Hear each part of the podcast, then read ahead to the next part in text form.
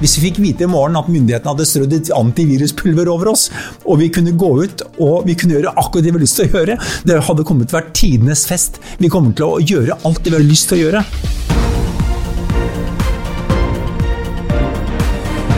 Dette er All In med Oslo Business Forum. Da Norge stengte ned landet i mars 2020, fikk dette massive følger for norsk økonomi.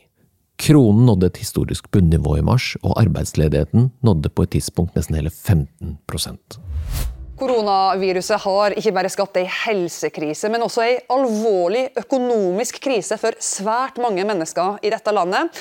I dag ble partiene på Stortinget enige om en tiltakspakke for å dempe de mest kritiske konsekvensene. Nesten ett år senere, januar 2020, har boligprisen økt betraktelig, godt hjulpet av den lave styringsrenta, arbeidsledigheten har blitt kraftig redusert, og kronen har styrket seg.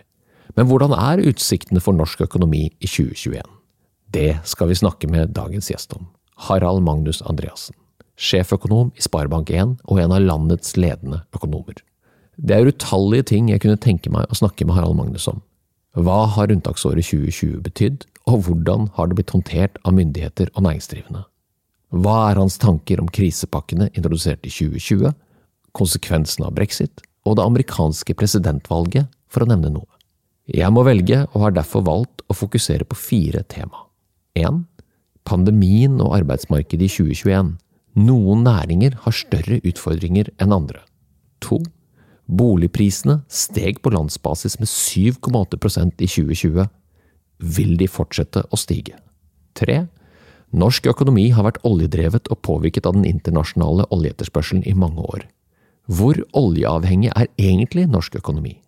Og fire, omstillingen som foregår, og det Harald Magnus har omtalt i media som det grønne toget.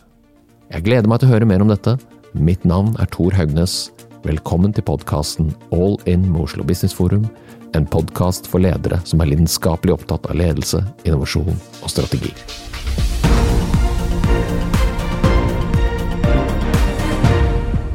Harald Magnus, i 2020 var det rundt eh, ja, på toppen, eller på bunnen, alt ettersom man ser det, 300 000, kanskje mer registrerte arbeidsledige. Og ved inngangen nå til 2021 så er det ja, 4-5 av arbeidsstokken arbeidsledig.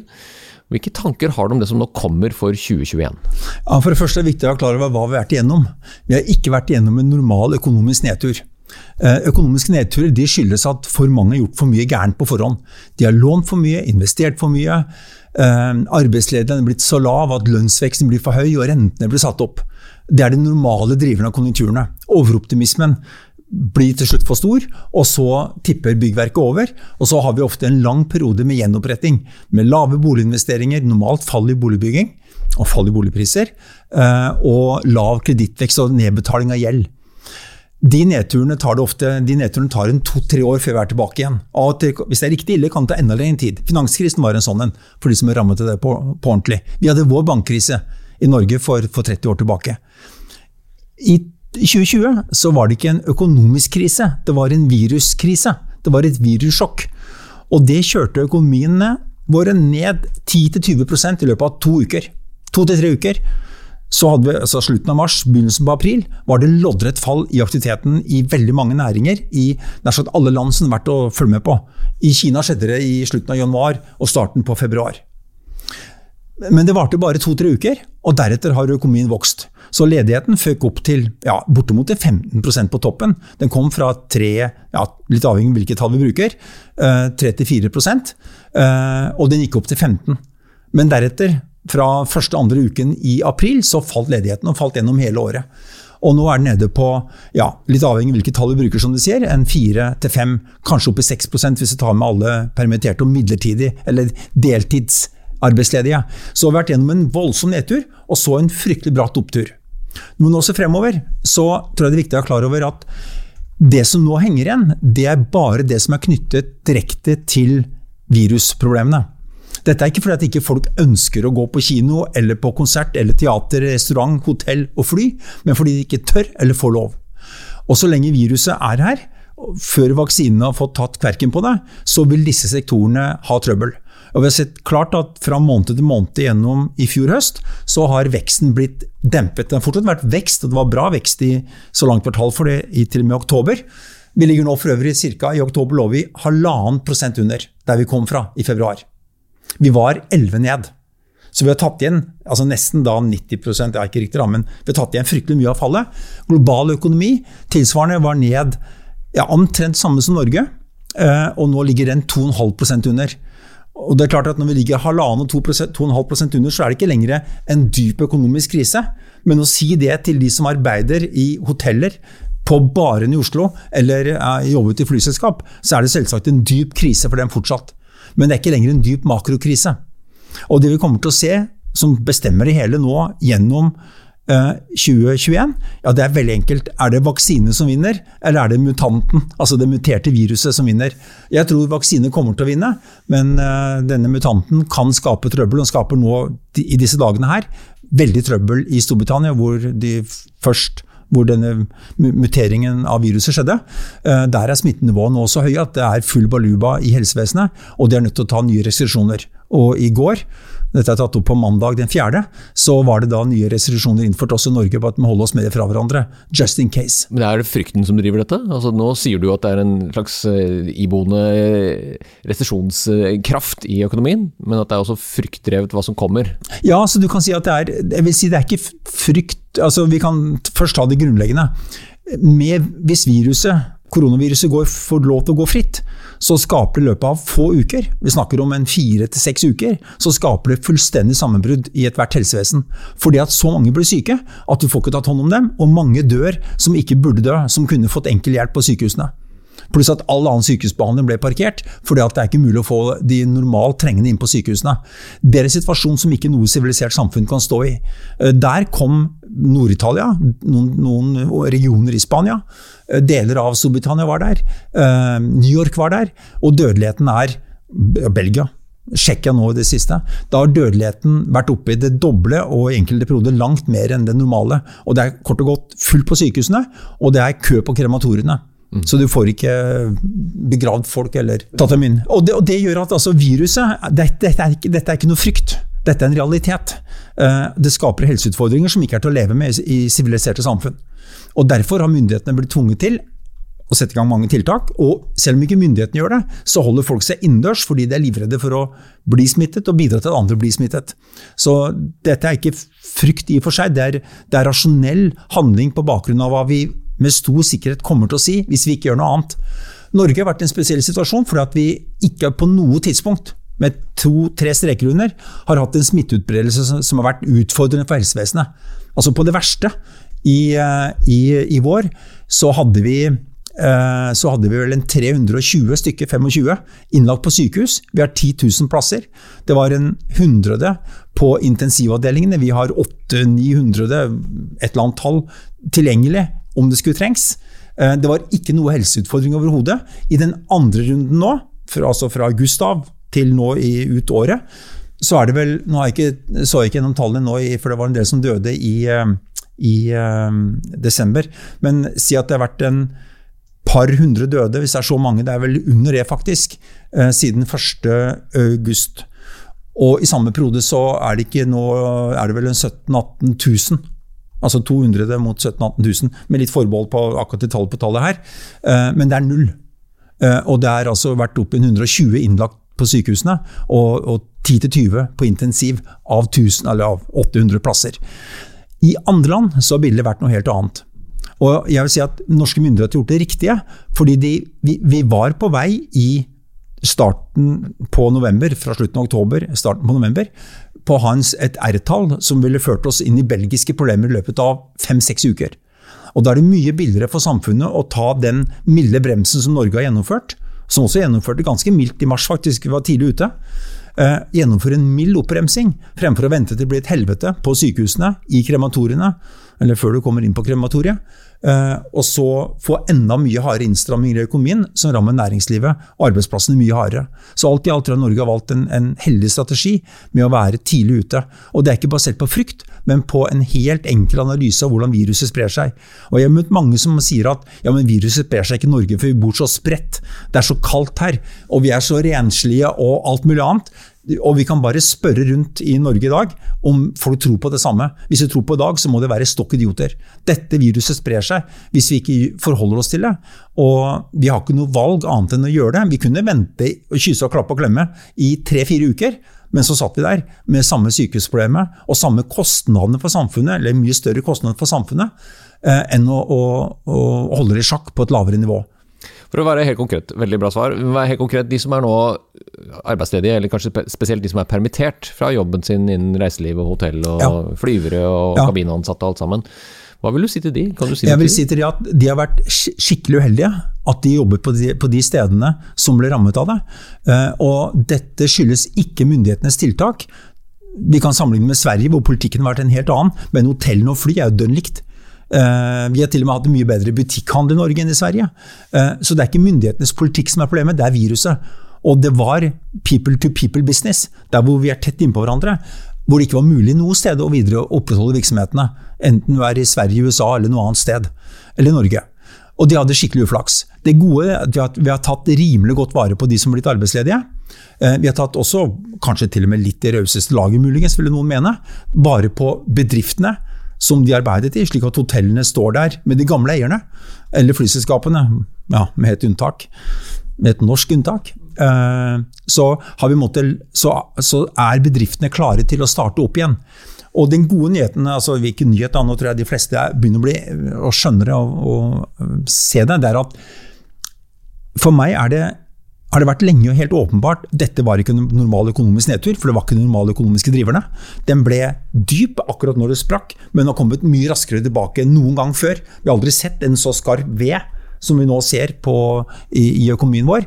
Og de sektorene som henger igjen, hvor fortsatt aktiviteten er ned 20-25-30% og som selvfølgelig fører til at mange nå ikke har inntekt, som er helt pyton for de folkene gjelder, de kommer ikke i gang før viruset er bekjempet.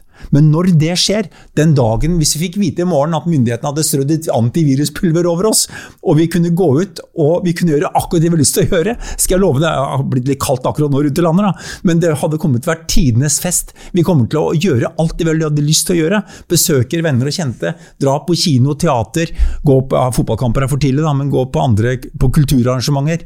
Vi ville ha gått på restaurant, vi ville ha fløyet og besøkt familien vår i resten av landet. Vi ville ha dratt og besøkt feriestedene som vi ønsker å dra på til utlandet.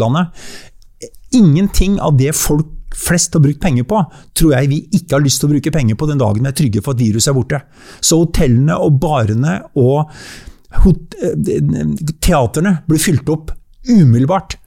Vi har spart mye penger, for vi har ikke brukt penger på de tjenestene. De pengene, og har, Norge har da ikke brukt penger, nordmenn har ikke brukt penger i utlandet. Og vi bruker mye mer enn utlandet enn det utlendinger bruker hos oss. Så vi har vært heldige der. Vi har lite turistinntekter i Norge egentlig i forhold til hva vi bruker i utlandet. Og, men de pengene har vi spart, og de er vi klare til å bruke så snart mulighetene byr seg. Så jeg tror ikke at vi kommer til å slure lenge og vente på å bruke det så snart det er trygt at vi føler at det ikke er noen reell trussel, og at vi får lov til å bruke de, eh, de tjenester som vi nå måtte forsake. Og så er det noen småtteri, da. Eh, vi vet at vi nå kan ha møter på Teams og på Zoom og på Skype eller hvilket medium vi bruker. Så for bedrifter så vil det nok være slik at en del interne, særlig interne møter kommer til å gå elektronisk fremfor at vi reiser så mye. Jeg kommer til å redusere min reisevirksomhet en god del. Men samtidig ser jeg at jeg har vært på en del konferanser som vi da har fått til, man har fått til gjennom annet halvår i fjor. Og de ble utsolgt på sekundet når det var lagt ut 200 plasser. Uh, fordi at folk hadde lyst til å komme og treffe andre folk. Det er det viktigste. De hadde lyst til å komme og høre og få inspirasjon. Og det er noe annet, jeg får merke det enn å høre på andre. Jeg er enig med det samme når de andre hører på meg også. Det er noe annet å sitte eh, og være i en sal og oppleve ting sammen med andre. Og som Erna sa, de, folk har lyst til å stå Eh, på konserten og synge sammen igjen. Altså, vi er sosiale, vi er sosiale mennesker. Individ, altså, mennesket er et flokkdyr. Og har lyst til å være sammen med flokken vår og oppleve ting i fellesskap. Og jeg tror det kommer fryktelig fort tilbake. Men på businessmøter som er ganske kjedelige, og som du kan la være å reise, så kutter vi det ut. Men ta tall, da. Eh, business i Norge, altså jobbreiser, utgjør en tredjepart av flytrafikken. Take or give. Eh, så en del av de jobbreisene er jo oljearbeidere. Det er bygningsarbeidere som skal på anlegg. Det er leger som flyr rundt for å ta vakter andre steder osv. Det er ikke bare forretningsfolk som flyr for å ha et timesmøte i Stavanger, og Bergen og Trondheim og fly tilbake til Oslo eller andre veien i løpet av dagen. Det er mye annet også. Men sett da at denne businesstrafikken skal ned, la oss si 20 og da er tatt det fryktelig hardt for oss småveske, småkoffertbærere, som som kan holde oss på kontoret og snakke til hverandre via skjermen. Så det går ned 20 da. Men så er det bare en tredjepart det rammes. Så tar jeg da 0,3 ganger 20% ned, så er det 6% av trafikken. Og da er tatt ganske hardt i, egentlig. Det er samme som en to-tre års vekst i flytrafikken. Ja, synd. Det, var, det, blir en knekk i kurven, tror jeg. Det blir mindre, mindre Vi får denne hakket som vi kaller, kommer til å se som koronahakket. For at vi lærte å bruke elektronikk, elektronisk møtevirksomhet. Eh, det ligger digital, heter det vel nå. Eh, men det var det. Og jeg tror det blir mye mindre effekter på mange andre ting. Ja, kanskje byhotellene på et forretningsreisende på samme måte som fly kan være litt mindre, men veldig mye business er person til person og personer i fellesskap, og det tror jeg kommer veldig fort tilbake. Særlig på privatlivet vårt. En overgang til eh, det med privatliv. Et sted hvor det er blitt brukt penger, det er jo innen bolig og fritidseiendom. Og boligprisene utviklet seg jo for noen med, til en overraskelse. Jeg vet ikke hvor overrasket du har vært. Jo, jo, jo, men, det kan du finne avisoverskriftene ja, på. Jeg, jeg har til og med tapt en dyr flaske vin mot en eiendomsmegler på at jeg trodde at boligprisen skulle være lavere i, i mars i år enn i mars i fjor. Jeg sa at Terje Tinholt har flesket til og mente at eh, prisen i Oslo for 2021 kommer til å gå på 20 Det er Terje jeg har tapt mot, og det er en flaske Rothschild, et eller annet som koster mange tusen kroner. men det, det, det unner han. da, Han fikk jo rett. For 2021, da? Ja, altså jeg tror Nå er momentet i markedet bra, det kommer til å fortsette. Men renteeffekten er nok i ferd med nå å bli tatt ut. Eh, og snart kommer meldingen om at Norges Bank kommer til å sette opp rentene. Og de gjorde allerede en, en beslutning, eller et signal, da, i midten av desember, hvor de sa at rentene skulle settes opp tidligere enn det de trodde. De trodde først at rentene, I mai trodde at rentene aldri i fjor, da, rentene skulle aldri opp igjen, iallfall ikke innenfor de nærmeste to-tre årene. Uh, og Så kom meldingen i, i, juni at det kanskje skulle litt opp i 23. Så kom meldingen i september, jo uh, fjerde kvartal 22. Og så kommer meldingen nå i desember i år ikke i fjerde kvartal 22, men i første kvartal 22. Så nå har vi plutselig beveget oss mye nærmere. Og det kommer veldig enkelt av at Norges Bank ser jo det alle andre ser, at eh, økonomien går bedre. Eh, vi tror at vaksinene, mm, det får vi banke i bordet og håpe på, kommer til å ta knekken på viruset på en tilstrekkelig måte, så at de resterende delene av økonomien kommer tilbake. Og det tror jeg mest på at det kommer til å gjøre i løpet av første halvår. Eh, det er så mange vaksineprosjekter som er, gang er i gang, og flere er nå godkjent. Også noen som kan produsere store volumer, så håper det går. Eh, og da, når, Hvis vi ikke har dette virusproblemet, ja, så har vi heller ikke behov for det som satte renta ned med 150 basispunkter fra 1,5 til 0. Eh, vi har trolig verken godt av det eller, eller bruk for det i en sånn situasjon. Når det gjelder hva som skjedde i fjor, så tok jeg helt feil. Jeg trodde at økning av ledigheten som ville følge med viruset, ville være, ha større sjokkeffekt på forbrukerne enn rentekuttet, som ikke var så voldsomt stort for at renta var så lav i utgangspunktet. Men det vi har sett er at husholdninger i mange land, også i land hvor ikke rentene kom så mye ned, men også, hvor også ledigheten har steget mye blant deler av befolkningen, så har boligmarkedene vært kjempesterke. I USA har boligprisen steget mer enn Norge eh, siden mai. Og år over år så er boligprisen i USA opp med noen indekser 15% Jeg tror reelt sett er noe lavere enn det. Kanskje det er rundt 8-10 som er samme som i Norge. I Sverige har boligprisen steget, i, i Tyskland, i Storbritannia frister det til. Kort sagt, mange land har opplevd at boligprisene har, har steget. Og det er nok mye fordi at, uh, i hvert fall delvis fordi at uh, ja, selvfølgelig rentene kom ned. Man gjorde hva man kunne for å hjelpe bankene å låne ut mer penger. Uh, man satte ned kapitaldekningskrav. Man reduserte i Norge, så løsnet man på reguleringen av utlån. Så man, bankene kunne overskride grensene, fem ganger 85 med en større del av utlånet, for å smøre maskineriet. Og det tror jeg var riktig å gjøre, gitt det man da visste. Uh, og Det har da ført til at uh, i mange land, også Norge, så har boligetterspørselen tatt seg kraftig opp. Uh, samtidig har etterspørselen etter varer generelt tatt seg opp. så Butikkene har jo nå cruisa på 10-15% omsetningsvekst. Og Det er ikke bare at polet har økt med 40, det bidrar litt her, men det storparten er altså i vanlige butikker at folk har brukt mer penger. Så vi har kanalisert pengebruken der vi kunne ha den på bolig, med hjelp av renter og tilgang på kreditt, og på varer.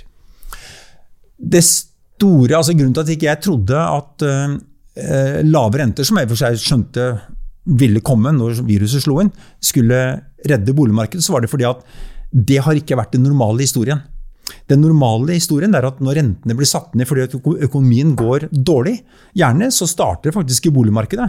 Så surner boligmarkedet, og det skjer etter at veldig enkelt, boligprisene har blitt for høye, gjelden gjelda har blitt for høy, det er bygget mange nye boliger, og så går det surt. Boligmarkedet i USA f.eks., det snudde uh, i eh, starten på 2006. Uh, det var to og et halvt år før vi fikk finanskrisen. Da var bolignedturen over. Men boligsmellen som startet fordi boligprisene var for høye, det utløste finanskrisen. Da kom rentene mye ned gjennom finanskrisen. Det førte ikke at boligprisene begynte å stige umiddelbart. Først skulle måtte overhenget på boligsiden jobbes unna. Det var det som er de alvorlige nedturene. Gjeld skulle bygges ned, og så kom boligprisene lang tid etterpå. Og Det normale er at renter faller samtidig som boligpriser faller. Er ikke, boligprisene faller ikke fordi renten faller, men fordi det er en grunn til at renten faller.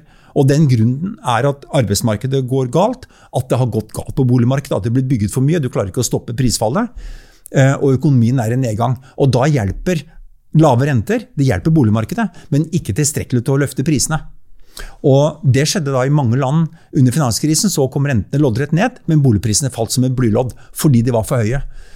I Norge, etter finanskrisen, sammen med Sverige, Australia og Canada. Noen sånne små land i utkanten av verden som er litt sånn råvareavhengige, som har fleksible valutakurser, er ganske velorganiserte økonomier på mange vis. Og så hadde vi flaks fordi at Kina tråkket på gasspedalen og dro opp råvareprisene i 2009-2010. Eh, her fikk vi det samme rentefallet som resten av verden. Vi trengte Resten, det egentlig ikke? Nei, og vi trengte det ikke. Vi hadde ingen krise. Vi fikk lav rente fordi andre fikk det. De fikk det fordi at boligmarkedet hadde gått over ende, fordi at ledigheten hadde steget kraftig, finansinstitusjoner var i ferd med å gå under, og rentene kom loddrett ned. Vi satte ned, og det er ikke bare Norge, men også de andre, jeg kaller dem supersykkelgjengen, disse små, rike landene, fikk også nesten like lav rente, og i praksis den samme lave rente som de andre. Men her fortsatte The Housing Party i ti år til med oppbygging av gjeld. Mens de andre, hele gjengen som hvor boligbobla sprakk da i 2006 2009, så nedbetalte gjeld i bøtter og spann. Har aldri gjort det sånn før. Så de har vært gjennom en voldsom gjeldsnedbetaling, samtidig som rentene har vært de laveste i historien. Eh, og nå står vi der da, når eh, korona slo inn, på et høyt nivå for eh, boligprisene, for gjelda, for boligbygging i alle disse superlandene. Og da trodde jeg at ja, nå for nå til slutt må jeg få rett. Dette kan være det som får dette tårnet til å velte. No way! Korthuset står der. Eh, du rappet ut et eh, kort på, med koronaledigheten, men du fikk polstra opp et eller annet her med, med rentene, og boligmarkedene bare suste videre. Og det kan man etterkant er det lett å forklare det. Det var det det var det som har skjedd, så det kan man alltid forklare. Men det var ikke åpenbart på forhånd. Noen økonomer pekte nok på at lave rente ville hjelpe, men de hadde jo ingen formening om på det tidspunktet hvor ille det skulle bli i økonomien.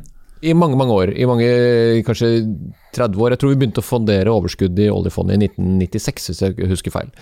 Og I forkant av det så var det jo å bygge opp denne egentlig supervertikalen vi har bygd i norsk økonomi. Og Vi har vært veldig oljeavhengig, og, og, men ikke bare det. Vi har jo bygd også services som vi også eksporterer. Så vi har vært veldig dyktige på dette. Ja, ja vi, fant en, vi, vi erobret en nisje for amerikanerne, på ja, sett og vis. Og vi har vært flinke ja. til å forvalte det også. Ja. Uh, fram til nå hvor vi står i et slags veiskille. Vi er fortsatt oljeavhengige. I, i den forstand at mye av investeringene våre ligger for lang tid eh, i, ja, i både leteaktivitet, men også i det som vi kaller nedstrøms fortsatt. Ja. Jeg er veldig spent på dine tanker, for jeg ser også, jeg vil koble til dette med, med skifte. Jeg mm. ser at ikke bare ESG-fond og andre typer investorprodukter er med på å påvirke nå synet på dette skiftet, som vi har snakket lenge om. Men vi er oljeavhengige. Ja, altså Den beste nyheten vi har, det er at Norge er ikke avhengig av oljeinntektene på den måten at det er oljeinntektene som finansierer offentlige utgiftene. Som man får inntrykk av. I de fleste, ja, det mange, mange sier bruk av oljepenger, og jeg har tatt det opp mange ganger og til og med kommet til en egen boks i nasjonalbudsjettet, hvor det ikke står at det var H.M. Andreassen som tok det, men det var, jeg har vært i departementet og sagt det mange ganger at nå må dere endre bruken på det. Og det har vært i, hvert fall i flere år en boks der på det. Og det er følgende at Norge, i motsetning til så å si alle andre land som produserer olje, så lar vi ikke de løpende oljeinntektene finansiere de løpende offentlige utgiftene. Det vi gjorde, nettopp at vi da etablerte oljefondet, det er at vi, vi sier egentlig at alle oljeinntekter går inn på fondet. Alle skatteinntektene, utbytte for Statoil osv. Så, så har vi handlingsregelen, som er at vi kan bruke inntil det var 4% av fondet, nå sier vi 3 som er den forventede langsiktige realavkastningen på fondet. Så du kan tenke at vi laster alle våre oljeinntekter fra bakken og over til banken, til oljefondet. Og så lever vi forsiktig av realavkastningen. Slik at det vi har lagt til side, det blir liggende der som en realverdi. Altså Vi tapper ikke ned nominelt. Vi, det, I prinsippet skal stige med inflasjon. Uh, uten at vi putter på fem nye øre i olje, nye friske oljeinntekter. Så hvis vi tenker oss nå at i morgen så ble kranen i Nordsjøen skrudd igjen. Uh, oljeinntektene ble borte. Men oljefondet var nøyaktig like stort som før. Og det kan finansiere til evig tid med ja, si 300 milliarder kroner i året til å finansiere offentlige utgifter i Norge, uavhengig. Helt, vi trenger ikke flere penger på fondet for å klare det. De har vi allerede. Selvsagt, Hvis vi ikke fikk oljeinntekter i morgen, så ville ikke fondet vokse som det vi håpte på. Så vi kan ikke øke overføringene. Men det er ikke noe land i verden som har et fond som øker stort hvert eneste år med gratis oljeinntekter, og så finansierer da en femtepart, en sjettepart av de offentlige utgiftene. Vi er jo helt unike på det punktet. Men det mest unike er faktisk at vi ikke bruker de løpende inntektene. Vi har filtrert det gjennom et fond. Vi kan tenke at vi fyller på et, det vi gjør, at vi har, vi har fylt det på et, eh, på et fat. Ja, oljefat. Mm. Uh, og så har vi en liten tappekran som vi kan tappe ut. Men uh, det, til det fatet med oljepenger oljepenger som vi har lagt til side, så, så, drysser det nå renteinntekter og utbytte fra selskaper i denne verden som holder vannstanden reelt sett i, i, fonds, i fondet oppe. Og vi kan da leve av å ligge under tappekran og, og supe egentlig da, jeg kaller det svarte eh, altså ikke svarte penger, men altså er, vi, har, vi, har, hvitvasket våre svarte oljepenger i en bank i Sveits og lever av, av, tantepengene, som noen kalte det i gamle dager. Av eh, hemmelige, altså av skjult formue i Sveits. Vår formue er selvsagt åpen, og den er oljefondet er eksemplarisk på mye av det de driver med. Men det er at sånn sett er ikke oljeavhengigheten så stor for Norge. Det er nummer én. Nummer to er at ja, vi har fortsatt et næringsliv som er avhengig av leveranser til oljesektoren. Eh, men som andel av vår verdiskaping, så har det falt mye allerede.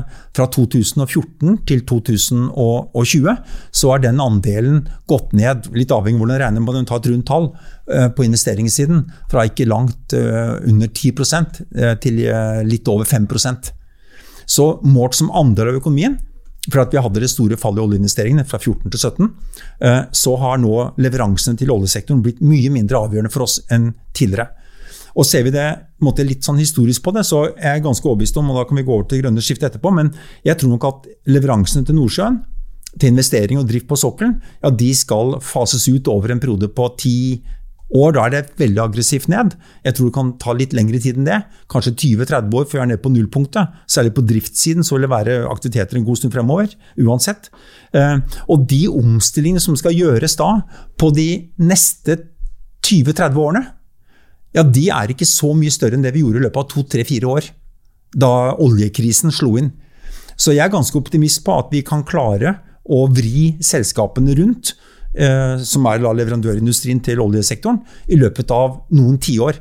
I forhold til den normale omstillingshastigheten i næringslivet, så er det ut ganske lite, faktisk. Og jeg, jeg tror mange er altfor bekymret for at det er vanskelig å snu rundt oljesektoren, eller leverandørindustrien. Og vi ser bare nå, sant, når enten det er Aker eller det er Able eller det er hvem det er av disse selskapene, Eh, som nå ser at markedet kommer på et annet sted enn hvor de var. Altså det tar dem bare, altså De som ikke har skjønt det etter to år, er i måte kjørt ut. De skjønner det i løpet av veldig kort tid. De går etter der pengene er, og kommer pengene til et annet sted. så er det de har dyktige ingeniører, de er vant til å konkurrere internasjonalt, de er, altså, de er, vant til store prosjekter. Og de er allerede i full gang med å løpe i alle mulige andre retninger enn bare inn mot oljesektoren. Så jeg tror at ø, omstillingsbehovet her for norsk næringsliv på sett og vis er overdrevet. Det er utfordrende, men når vi ser på hvor mange arbeidsplasser og bedrifter som går opp og ned eller hvert eneste år, så er det sånn at det skal ikke en stor del av den normale omstillingstakten i økonomien til å klare omstillingen ut av olje og inn til noe annet. Men forskjellen vil nok være allikevel at vi har hatt en kunde som har vært tjukk i huet og stinn og grunn. Eller er det stinn og grunn og tjukk i huet, hvordan ordtaket er? Altså en olje oljeselskaper som var villige til å betale veldig mye for de tingene de skulle kjøpe, spesialdesign og alt mulig annet, som ga lukrative oppdrag til leverandørindustrien. Og så førte det til høyt lønnsnivå, og så førte det at vi hadde egentlig ja, god avkastning på arbeidskraften. Ikke bare den som var ute på sokkelen, for den er jo absurd bra selvfølgelig når vi kan tappe olje rett opp, men også på leverandørindustrien. Og den industrien må nå, nå konkurrere hardere på de nye områdene, for de har ikke de samme fortrinnene ved at de har en stor kunde som har så mye penger som oljesektoren hadde. Eh, Iallfall frem til 2014. Men nå er det måte historie, og oljeselskapene har lagt om kursen dramatisk. Norsk leverandørindustri har fulgt med på den leken og har klart å omstille seg, og er nå på full fart ut i alle andre områder. selvfølgelig Primært mot fornybar, havvind og alt det andre som ligger i nærheten av det vi har drevet med fra før.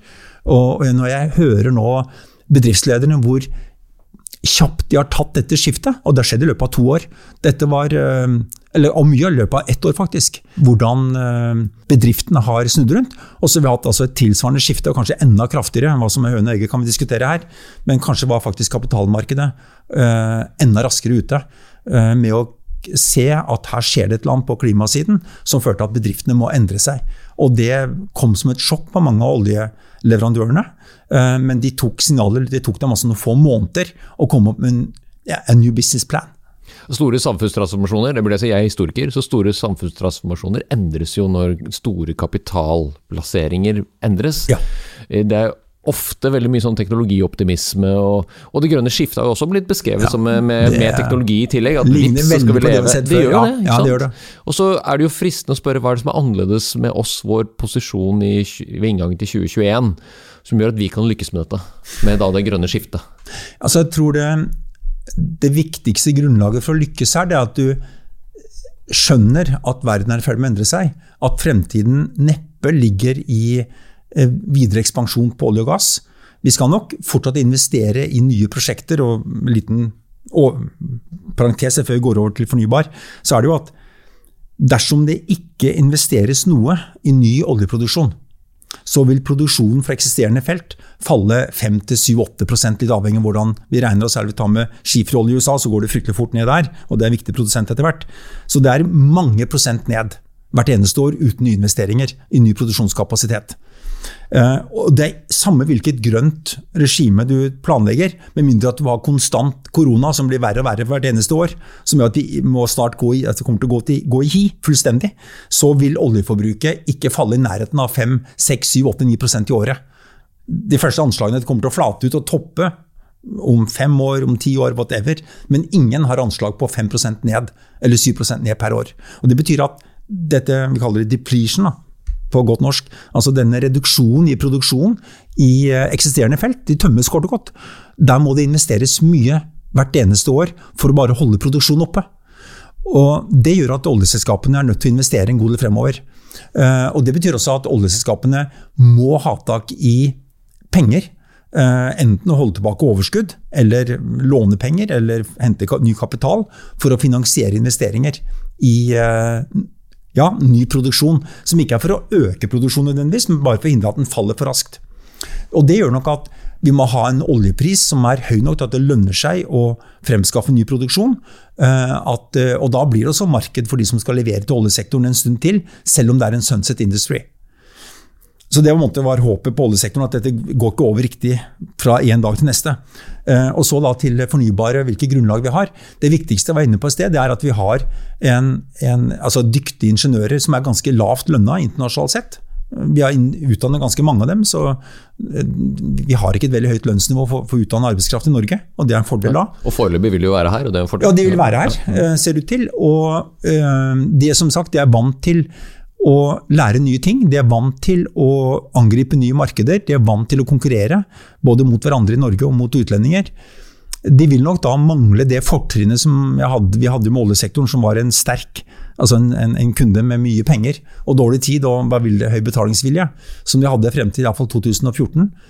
Men eh, jeg, jeg, jeg, tror at eh, norske entreprenørskapet står ikke noe tilbake for det vi ser i andre land. De er like gærne på å tjene penger her som ellers i verden. Og den driven til å være med på det som skjer, ja, den tror jeg kommer til å føre til at, vi, at bedriftene raskt er i stand til å omstille seg og, og, komme inn i nye markeder. Men da med lavere lønnsomhet enn tidligere. Eh, eller med normal lønnsomhet. altså Vi ble litt mer som andre land etter å vært hadde vært griseflaks med et stort oljefond og en, en lukrativ, en sterk kunde rett på dørstokken vår. Men det er jo ikke noe nedgang i, i, landet vårt, det er bare på en litt annen og lavere vekstbane. Og det er ingen som syns synd på oss av den grunn. Om ikke vi skulle få et evigvarende økning i oljefondet, eller ha en kjempekunde som skal betale mye for varene våre på dørstokken, så, så er det, ingen, det er ikke noe krise for Norge, og ikke noe, noe, det er ikke noen rundt oss som syns synd på oss. Og jeg er ikke spesielt bekymret for Norge heller i den henseende. Nei, men heller omvendt. Vi har noen fantastiske fortrinn. Vi har fortrinn, Det var godt sagt, vi har faktisk fortrinn ved at vi da er, er ja, vi, vi, og det ser vi nå, sant, hvordan selskapene er blitt ledende på ja, transport av, hav, av, havvindmøller, på konstruksjon av dem, på områder som ligner på det vi holder med på store offshore-installasjoner.